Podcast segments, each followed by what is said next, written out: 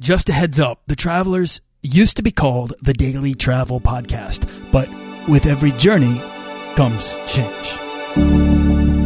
This podcast is produced by Holocene, a community of creative travelers. If you want to get serious about planning that next trip, writing that book, starting that creative project, or launching that business, we're breaking down the barriers between where you are and where you want to be together at joinholocene.com. That's join, H O L O C E N E.com. Can I attempt to pronounce your name right now? Yeah. I really want to try at least. You can try. Okay, all right. Say say it. Break it down syllable by syllable. It's Øy, Oi, Ður, dhuth, Ður. It's ends in an R, so you roll the R. dhur, Uh, Øy, oh, close. oi, Øy, dhur, Dur. dhur, Yeah. dhur. Ður. Pretty good. All right, I feel okay with that. Do you want to travel further and more often to visit new places and meet new people and expand the role that travel plays in your life? I'm your guide, Nathaniel Boyle, an explorer that wants to help you get out, see the world, and find meaningful, life changing experiences. Everyone wants to be adventurous and have great stories. To do the stuff of legend, this is the Daily Travel Podcast. Each week, we send out a newsletter with three deals, resources, or guides to help you take the steps towards building a life of travel, whatever that means to you. What's stopping you from finally taking that trip or making that change in your life? I'm making travel easier to plan and cheaper to do. I'm here to help. I want you to come home with the best stories from your travels, but you have to put yourself in the position to let those stories happen to you. That's what this show is about. That's what I want to help you to do. So if that sounds good to you, then let's make a legend out of life. And today's guest runs the travel blog iHeartReykjavik.com, where she blogs about her home city, Reykjavik, Iceland, the capital of Iceland, and her amazing country that's waiting for her in her own backyard.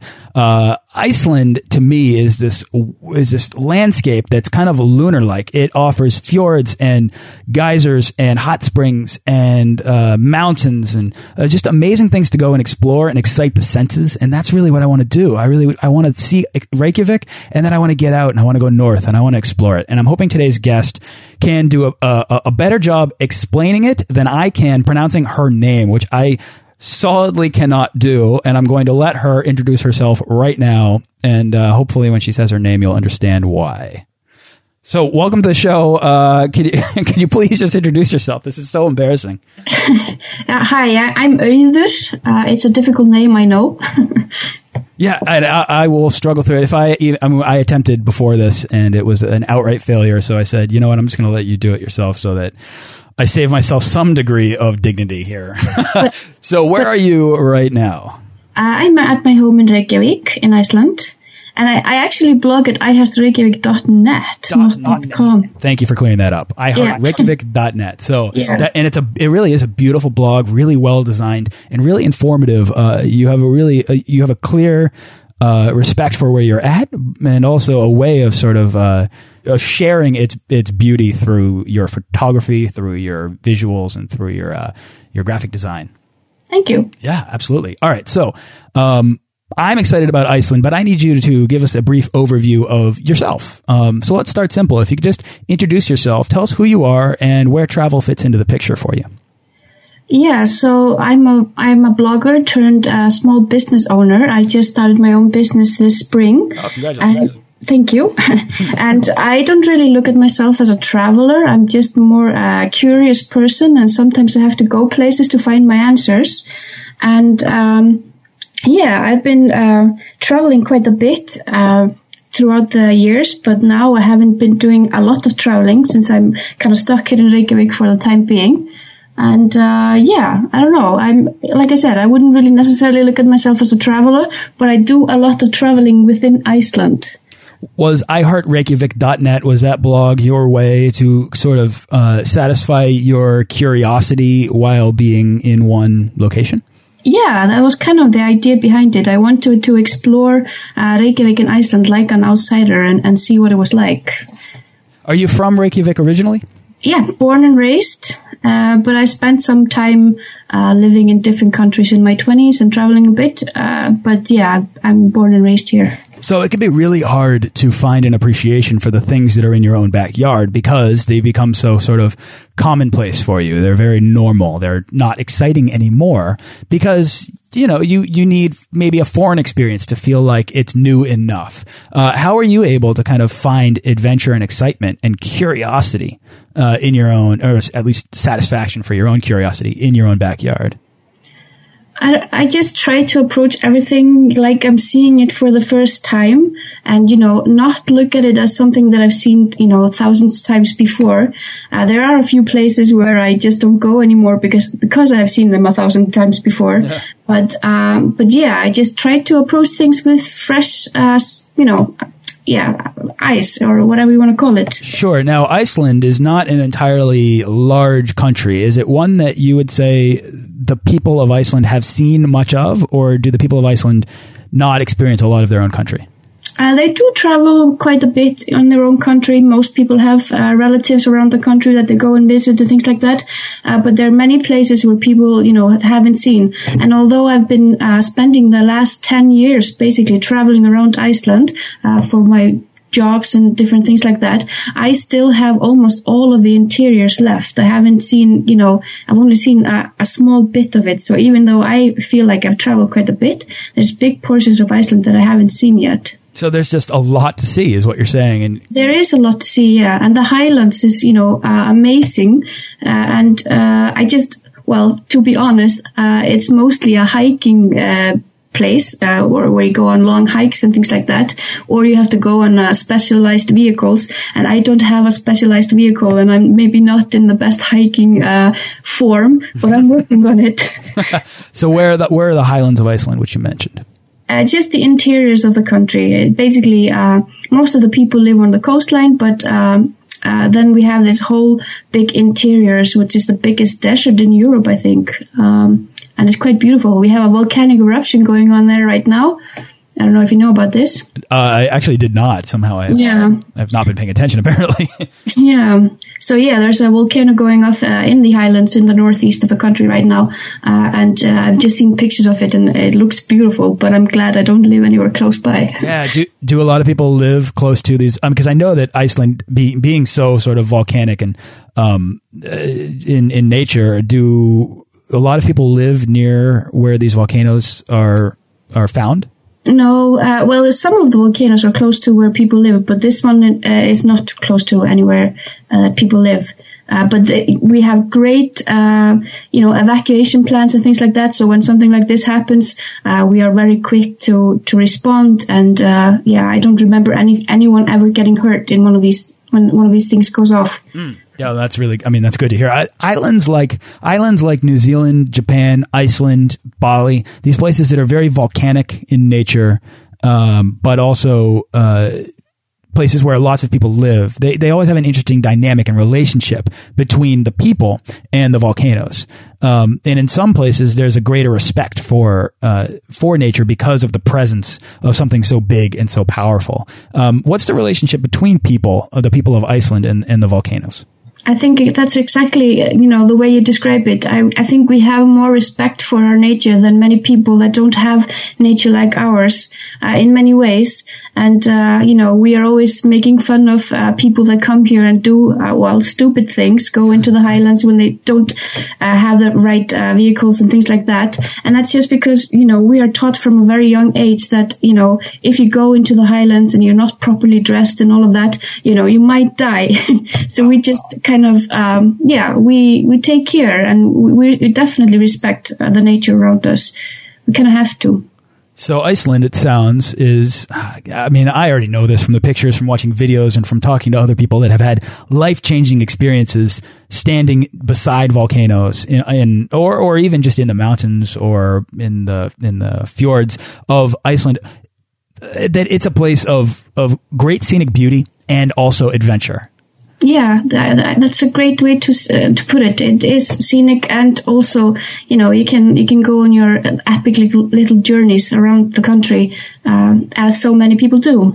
Yeah, and yeah. then you you've also got sort of the urban scene within at least Reykjavik, and to be perfectly honest, that's the only scene that I know of in Iceland, and I'm sure that I'm just I'm not fully informed, and that's what I want you to do. But you've also got uh, the cultural aspects of Iceland, where you've got sort of a uh, you've got a, a, native culture and a history there, whereas you've also got a modernized culture and uh, an art scene and a creative scene and a food scene and all of these things happening.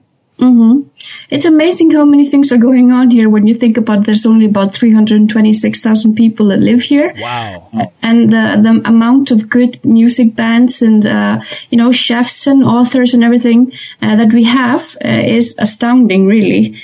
But, uh, yeah. I did not realize that Iceland's population was so, was so low. Yep, and uh, it's not a it's not strange that you don't know any other urban places in Iceland than Reykjavik. Reykjavik is the only city that we have. Good. Yes, I feel I feel suddenly vindicated now that I know that your population is in the three hundred thousands. Um, I had I had absolutely no idea that it was so small. Does that make for the opportunity for travelers to come and have a more intimate experience? Uh, yes and no. Uh, there is, you know, places where you can't you don't see people for uh, you know uh, lengths of time. But then if you go to the more touristy places you see nothing but people. So uh, you have to ha- make a decision to go and uh, to these places where you can be a, a, little bit more alone with yourself. Sure. Well that's actually interesting. So let's talk about that because i'm curious like uh, everybody that's looking into iceland knows about say reykjavik knows about the blue lagoon um, knows about the other probably major tourist sites that are there, but the unknown aspect of Iceland, the places where you can go to be alone, or you can rent a van with friends and go and have a uh, a sort of a private adventure of your own. W where would you recommend a, a couple good spots or places to look into, or areas of the country to look at? Well, uh, this is really what I try to uh, focus on my on my blog. Right. I have not written about the Blue Lagoon or the Golden Circle or anything like that. So uh, I just urge people to go and you know go off the beaten path a little bit. And you know, there's a place, for example, in the northeast called uh. It's a peninsula, and you know, there's not a lot of people that live there, and there's really not a lot to see there. But that in itself is something to see and experience. Um, and uh, you know the West Fjords, uh, which is a great big area of Iceland, is uh, you know they don't get as many tourists as the rest of the country, uh, and uh, that's definitely a place that uh, people should really look into going to. Okay, and then what else what else is there to, to do when you get there is this the sort of thing that you can rent a car and go up and just spend time or how would you recommend getting there and then what's waiting for you when you get there well, uh, because you talked about costs in your intro. Yeah. Icelandair actually offers a stopover program in Iceland. So if you are headed somewhere else and, and their prices for Europe is actually, they're pretty competitive and they allow you to stop over in Iceland for up to seven days without any additional charges. So you can come over if you're going somewhere else and stay, uh, spend a few days before you head to wherever you're going. So that's one to get, uh, one way to get here, uh, without paying too much. And that's on all transatlantic flights that are routing through Reykjavik. Yeah. I believe so, yeah. And um, so basically, the best way to explore is to rent a car. You can either just rent a car and you know stay in hostels and hotels and things like that, or you can you know run uh, rent a camper van or something like that. Maybe I wouldn't recommend that so much in the winter, but uh, in in the summer at least you can you can camp and things like that. So yeah, you just kind of drive uh, wherever your fancy takes you. Uh, I always recommend to people that they don't plan too much if they don't uh, if they come here when it's not the high season, and then um, kind of go uh, where the where, where the weather will allow you to do stuff and things like that. Because that's definitely one thing you have to consider when you come to Iceland, uh, that the weather here is very unpredictable and can be kind of nasty at times. Uh, explain to me which which are the high seasons and low seasons. Uh, that's the high season is the summer. Uh, I would say from about the end of May to end of August, something like that. And everything out that outside of that season is kind of the off season. But uh, we have been spending a lot of money and effort to get people to come here during the winter um, for the last few years, and that's uh, paying off. So people are coming here more in the winter, but maybe for shorter trips, not uh, you know long uh, voyages or yeah You know, uh, there's a there's a funny joke. I don't know if you've ever heard it, but that Iceland is green and Greenland is all ice. yeah, I I've heard that once or twice. yeah, I bet. I would imagine. So, uh, is Iceland? Does Iceland get a lot of snow? Um, parts of it does get a lot of snow, but here in Reykjavik we don't get a lot of snow actually. Um, it does snow maybe a, a few days, uh, you know, a few days, but it doesn't really stick here. Uh, but in the north, in the east, and the west, it does snow quite a bit. So what you're saying is that in the winter, because probably the proximity to the water, uh, mm -hmm. for the most part, that's going to keep it warm enough so that the snow never maybe comes, but you might get a lot of rain. Yeah, a lot of rain, wind, um, and yeah, I would say the weather here is. Uh, the, the, the, the bad parts of the weather here are exaggerated quite a bit. But, uh, you know, when it gets bad, it gets bad. But it's mostly just a lot of wind. You know, the rain comes from every direction when it's raining and, and windy. But, uh, apart from that, I mean, it doesn't really get that cold here. I mean, a bad day in winter would be minus 10. If you compare that to New York or somewhere, that's not so bad. No, that's not so bad at all. Um, yeah. All right, so then what do Icelandic when it's cold, when it's rainy and you're in the you know the middle of the winter, what do Icelandic people do to sort of warm themselves up? Um, drink beer. No, uh, that's what I would do. Yeah, no. Uh, yeah, different things. Uh, well, first of all, uh, we wear layers uh, because you know you never know what's going to happen. Of course. But uh, but swimming pools here are a big thing, and the hot pots. If you want to know what's going on in the in Icelandic society, that's the, your first stop really uh, to go to the hot hot tubs in the swimming pools. We have uh, geothermal water in abundance here, so that's kind of what we do. Yeah, yeah. So that's definitely one way to do it. Now, can you describe those? Are those uh, are those found in spas? Are they all outdoors? How does that these, work? These are public swimming pools. Uh, basically, every town in Iceland has one, and uh, yeah, so they have hot tubs uh, next to the swimming pools. So these are public pools. Everybody can go to them, and they're fairly cheap as well. Okay, and the Icelandic people are welcoming to anybody that's traveling through to, that would be curious in going and checking these out yeah, we are known for being very welcoming people and very friendly. So uh, a lot of the people that that uh, frequent the hot pots are older people, and maybe their English is not as good as the younger people. But you know, if you strike up a conversation with someone, they will they will get you know take the time to talk to you. All right, so you mentioned one destination that was kind of an unknown destination within Iceland, but I'm wondering if you have another recommendation of a, a place to check out, like maybe a secondary. What's number two on your list for another area where people can go to find sort of an, an the unknown part of Iceland? I, yeah, I would say just the West Fjords, like I said before, and uh, the whole east area of Iceland. People often overlook that, and uh, and of course the interiors. Although that's not great in winter, but at least in summer, uh, yeah, I, I would say that's a good place to start. Those are your top three. Yeah. Okay. So that's so that's cool. So I'm just curious, how did you how did you develop this sort of appreciation for your for your home country? I mean, how how did you go about deciding that you would not only want to explore it, but start a website about it and get really passionate about what you, what it is that you're exploring? Well, I was basically fleeing Iceland for ten years. And then I came back here and I got a job in tourism and I started uh, to explore a little bit more than I had been had done before. And it kind of went from there. I just i saw new things uh, every time i went somewhere. And uh, i was always amazed. And uh, it doesn't matter which uh, part of the country i go to there's always something interesting to see some interesting people to meet and talk to. So I, I think it grew from there. Yeah i'm curious. So you mentioned you were fleeing for 10 years. What were you fleeing from and where did you go I think I was just fleeing from myself. But yeah, uh, yeah. Uh, yeah, I lived in England for a while. I lived in Spain for a while. I lived in Norway for a while. And then I was just basically always working for the next trip. I went to Southeast Asia and, um, you know, all over Europe, Canada, the US. So I, I, I, yeah, I saw a little bit of the world. Did you, by going out and experiencing the world, develop a greater appreciation for being Icelandic? For sure, yes. I always think that's such an interesting result. I know that I I've never I've never not wanted to be an American, but I know that when I went out and I experienced other cultures and I kind of uh, understood not just what I liked, but precisely why I liked certain things. I know that when I got home, I had kind of a greater understanding, uh, no, a greater appreciation for being from the place that I'm from. And I think that that is, it's a valuable thing to learn for anybody that wants to go out scramble themselves a little, let the world seep in, and then come home and say, I can apply everything that I just learned to this place that I'm from that I actually really do love and I've missed. And and uh, and you, you also you, you don't take for granted anymore. It's so easy to when you're home mm -hmm. take it for granted, go out, get a greater perspective, come home, and then appreciate everything all over again. I've actually said for many years I think it should be mandatory to send everyone abroad uh, during their high school years, or you know I think everybody should uh, experience living in a different country because it does give you a greater uh, appreciation uh, for the world and, and also for for where you come from Absolutely. for sure.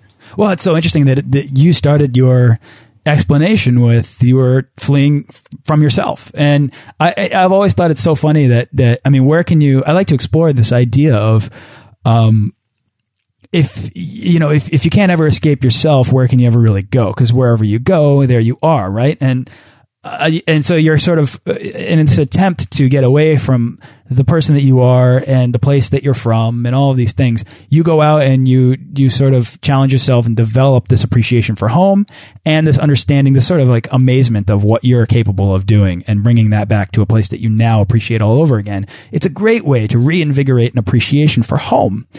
And I can see why a whole like uh, you know a job in tourism and then a, uh, a, a whole really cool, really beautiful blog about your own country has come out of that. Mm -hmm. So I, yeah, I think that's I think that's really that's really interesting. So, um, what was the sort of maybe first experience, or do you have a story from being, uh, you know, moving back to Iceland or moving back to Reykjavik that kind of uh, convinced you that there was a lot more to explore at home?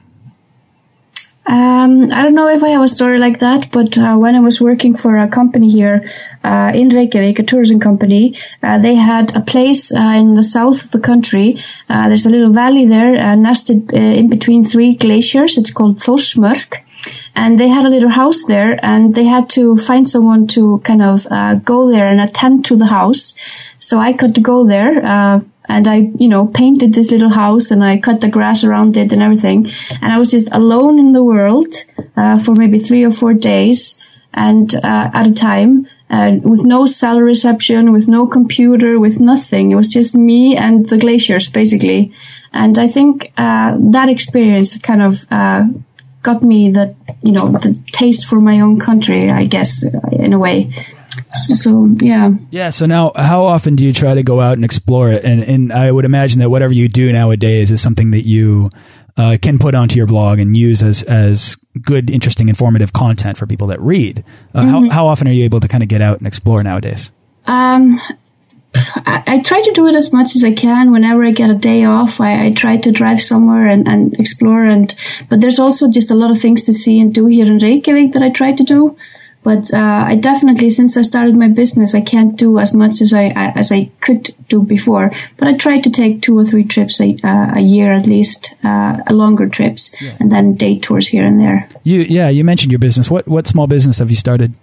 Uh, I do walking tours in Reykjavik. Uh, oh, people wow. were always uh, asking me whether I could show them around, so I decided to turn it into a business. Yeah, so actually, let's let's take us take us through one of your walking tours that might be the most fun to to describe. Um, I try to take people to uh, a little bit uh, see a more my version of Reykjavik. You know, you can go and see all the landmarks. Uh, but I started one of the greatest landmarks in Reykjavik, which is Hallgrímskirkja, a big church on, on a hill here in Reykjavik. And then we just kind of cross, cross around the, the uh, surrounding neighborhoods, kind of just kind of peek into people's backyards and things like that. Take a look at some street art and uh, and yeah, so that's kind of what we do. Where does uh, just because this is where my my mind goes, but where does food fit into the picture here? Um, I just uh, I try to uh, recommend to people where they can eat and things like that. But there's a lot of great restaurants here in Reykjavik. Uh, of course, we are close to the ocean, so there's a lot of great seafood.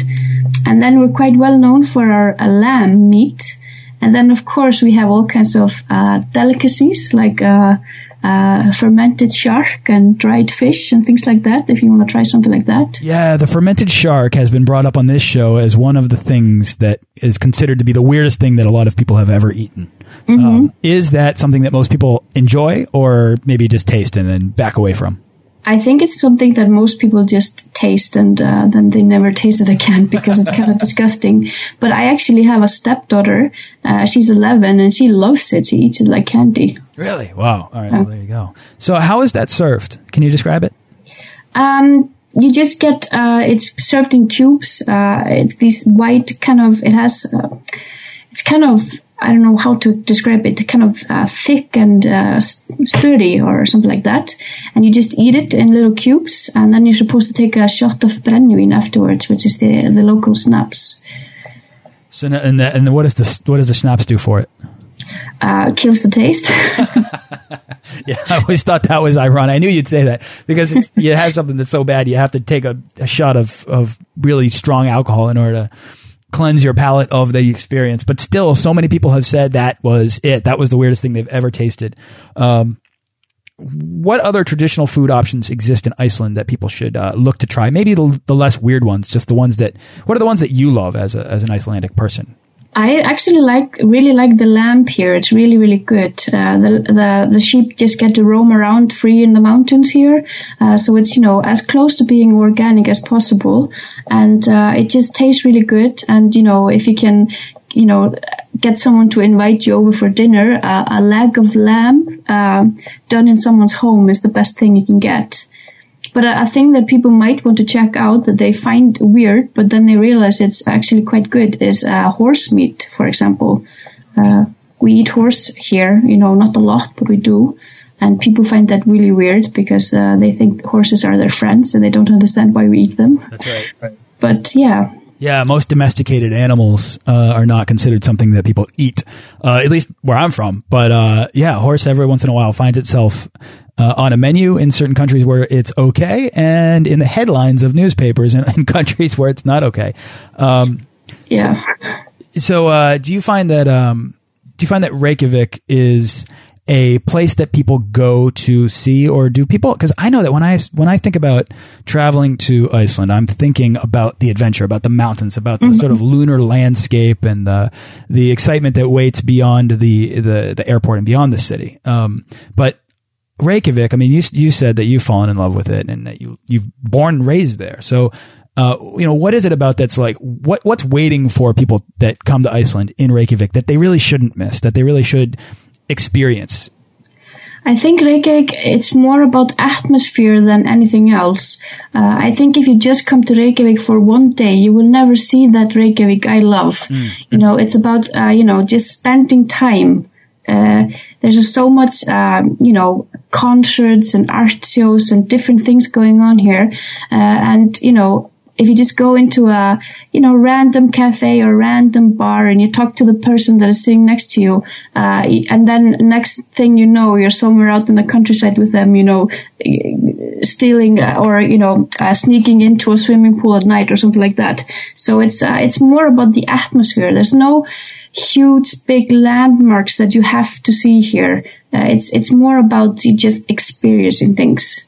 Amazing. All right. Yeah, I really want to go. I really want to check it out. All right. I know we're out of time, so I'm going to uh, have to tie this up. But is there anything about about Reykjavik, about Iceland, about your country that we haven't covered, that we haven't really discussed? And uh, I'm going to put everything that we've that we've covered and all of the uh, words that I cannot pronounce in writing on the website for people to check out. So you can go to dailytravelpodcast.com slash Iceland. How about that?